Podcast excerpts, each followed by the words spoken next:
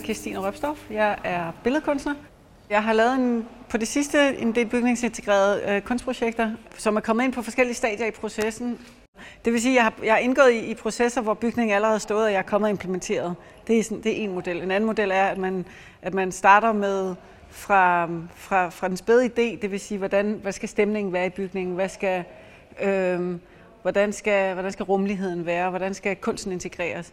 Øh, eller som oftest, så bliver rummeligheden og stemningen ligesom fastsat allerede, og så i sidste øjeblik bliver, kommer man i tanke om, at vi skal også have noget kunst, og så hiver man en kunstner ind.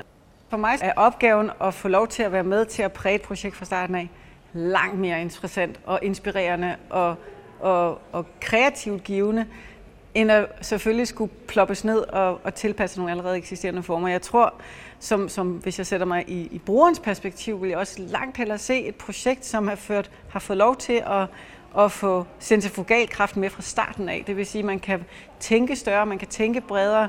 Det behøver ikke nødvendigvis at være meget dyrere, og det er måske en vigtig pointe at få med, fordi man tænker, hvad skal man sige, man tænker formgivende, og man tænker proportionerne og ambitionerne og visionerne med, med fra starten af. Så det vil sige, at det er et helt andet, det er et helt andet udgangspunkt, man har.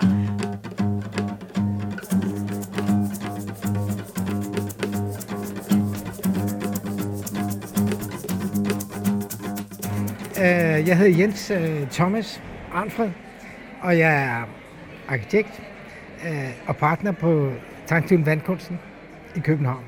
Man godt nogle gange kan få det hovedindtryk, at vi har travlt hele tiden med alt muligt, i alle mulige hjørner, i alle mulige landskaber, i alle mulige forbindelser.